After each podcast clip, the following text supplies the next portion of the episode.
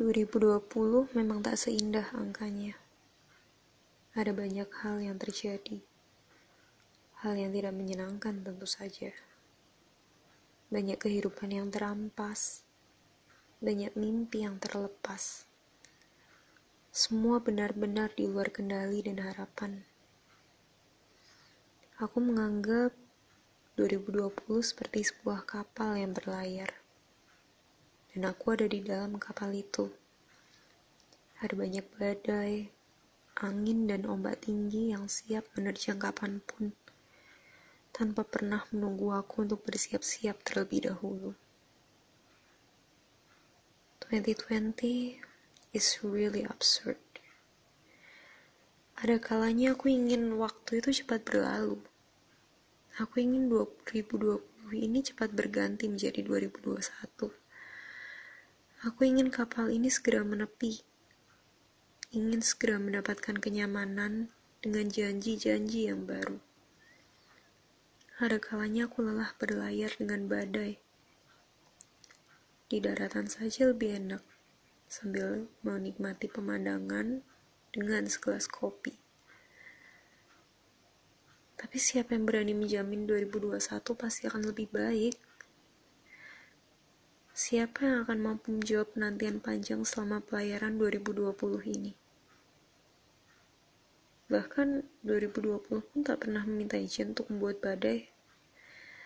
Bagaimana jika 2021 juga akan datang dengan badai yang sama?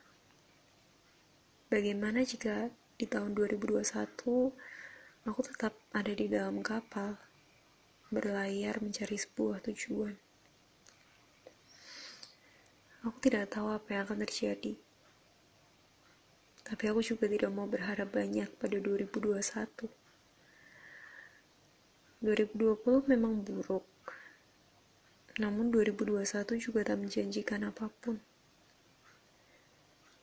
Jadi, aku ingin berhenti berharap pada tahun yang berganti. Aku ingin berhenti berharap berhenti memimpikan hidup yang lebih baik, berhenti meminta, dan mulai untuk berusaha. Di dunia ini ada banyak hal yang gak bisa kita kontrol. Maka dari itu, aku ingin berhenti untuk memusingkan sesuatu yang gak bisa aku kontrol. Jika ada harapan baru yang bisa aku lakukan di tahun 2021, maka aku ingin berhenti untuk mengurusi sesuatu yang gak bisa aku raih. Aku ingin lebih fokus pada apa yang bisa aku dapatkan. Lebih fokus pada apa yang bisa aku kontrol. Pada kemungkinan-kemungkinan kecil, namun mampu membuat aku bahagia. Itu jauh lebih memuaskan, bukan? Daripada sekedar berharap bermimpi sesuatu yang besar, namun akhirnya jatuh dan terluka.